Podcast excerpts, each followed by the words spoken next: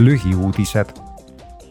Euroopa Parlament nõuab Euroopa Liidu pikaajalise eelarve reformimist, et muutustele paremini reageerida, tegeleda rahastuse puudujääkidega, suurendada eelarve paindlikkust ja kriisidele kindlamalt vastu seista seetõttu võttis parlamendi eelarvekomisjon eile vastu resolutsiooni kahe tuhande kahekümne esimese kuni kahe tuhande kahekümne seitsmenda aasta mitmeaastase finantsraamistiku täiendamise kohta.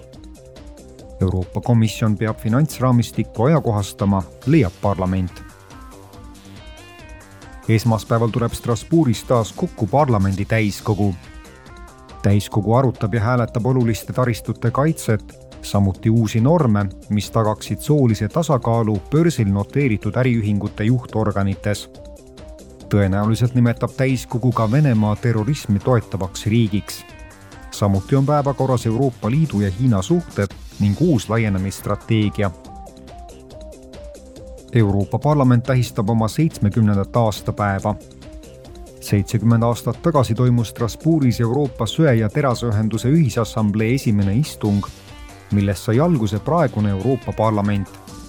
Aastakümnete jooksul kasvas kuuest riigist koosnev ühendus kahekümne seitsmest liikmesriigist koosnevaks liiduks, mis edendab demokraatiat, põhiõigusi, majanduslikku stabiilsust ja majanduskasvu. Teisipäeval tähistab parlament pidulikult tseremoonial viimase seitsmekümne aasta ajaloolisi sündmusi ja seadusandlikke saavutusi